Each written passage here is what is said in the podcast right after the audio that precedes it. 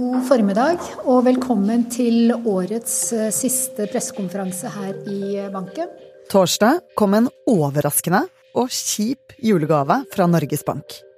Ved å sette opp renten til 4,5% nå.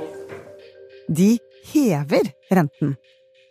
Ikke akkurat det ekspertene snakket om i forkant. Utfallet her er jo at man ikke setter opp renten, trolig. Og da ingen renteheving i dag. Og heller ikke akkurat det vi snakket om tidligere denne uken.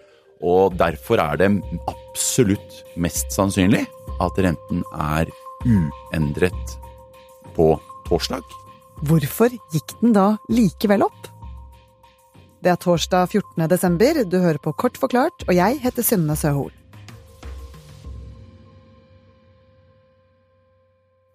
Sindre Heyerdahl, økonomikommentator i E24. Hva var det første du tenkte da Norges Bank hevet renten i dag? Jeg var svakt overrasket, men jeg tenkte veldig raskt på mange av de som nesten virket sjokkerte, blant annet eh, gjennom en sånn livesending jeg selv fulgte.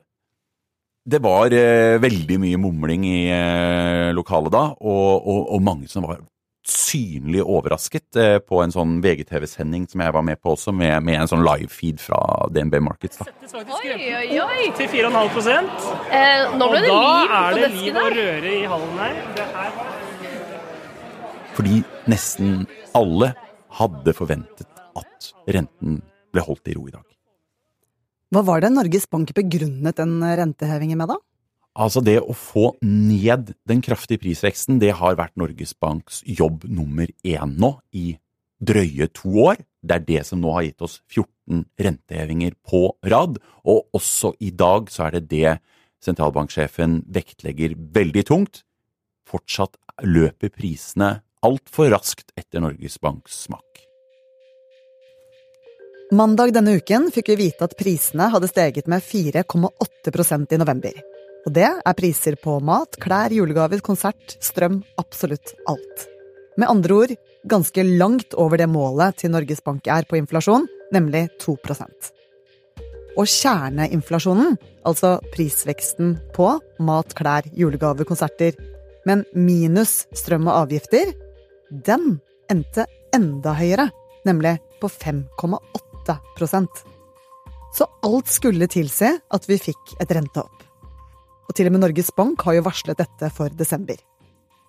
Likevel var det mange eksperter som ble tatt på senga.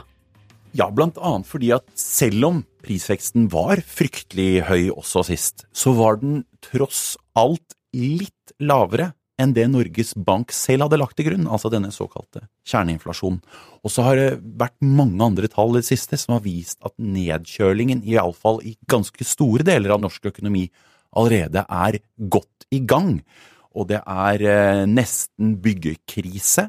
Det er nedgang i varehandelen. Det er mye som viser at alle disse rentehevingene alt har begynt å bite på mange. Og derfor var det nå så mange økonomer og markedet som trodde at Norges Bank ville la renta være i fred. Men likevel så hevet de renten. Er det sånn at julehandelen kan ha påvirket denne beslutningen? Har vi handlet for mye i november? Ja, vi har jo faktisk hatt eh, overraskende sterkt eh, forbruk i forhold til hva som var forventningene for et år siden. Men vi ser at det er mye som viser at eh, det har kjølnet også hos forbrukerne. Det skulle bare mangle òg, når det har blitt så vanvittig mye dyrere å betale renter på boliglånet.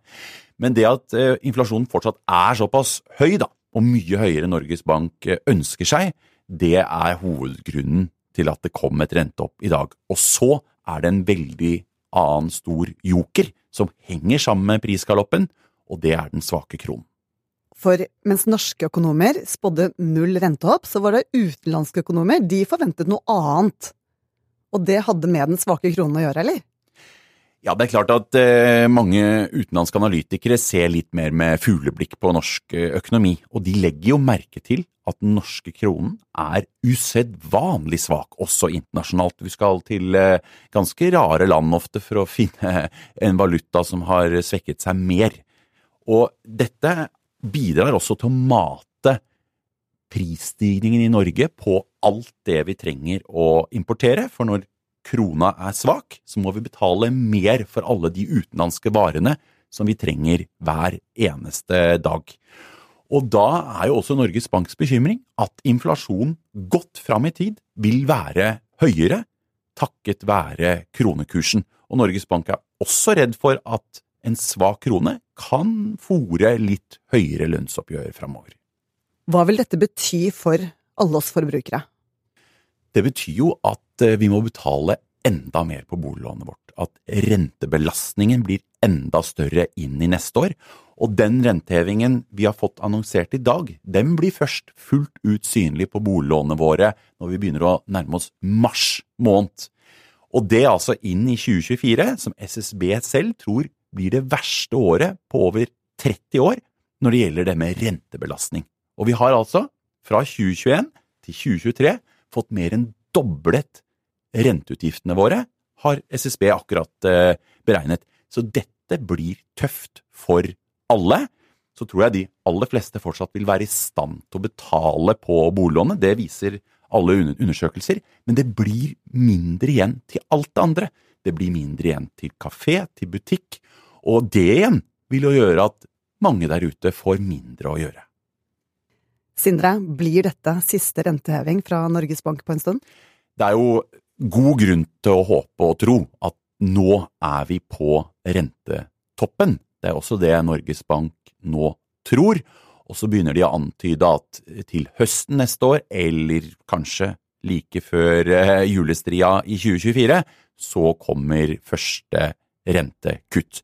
Men som vi har snakket om eh, her i denne podkasten mange ganger før òg, så må vi ta store forbehold, bl.a. fordi krona er uberegnelig, og det er dessverre også inflasjon.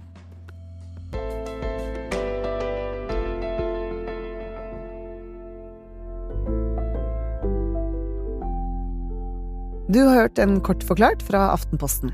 Det var økonomikommentator i R24, Sindre Heierdal, som forklarte deg hva rentehevingen betyr. Denne episoden er laget av produsent Fride Nesten Onsdag og meg, Synne Søhol, og lyden du hørte, er fra VGTV og Norges Bank.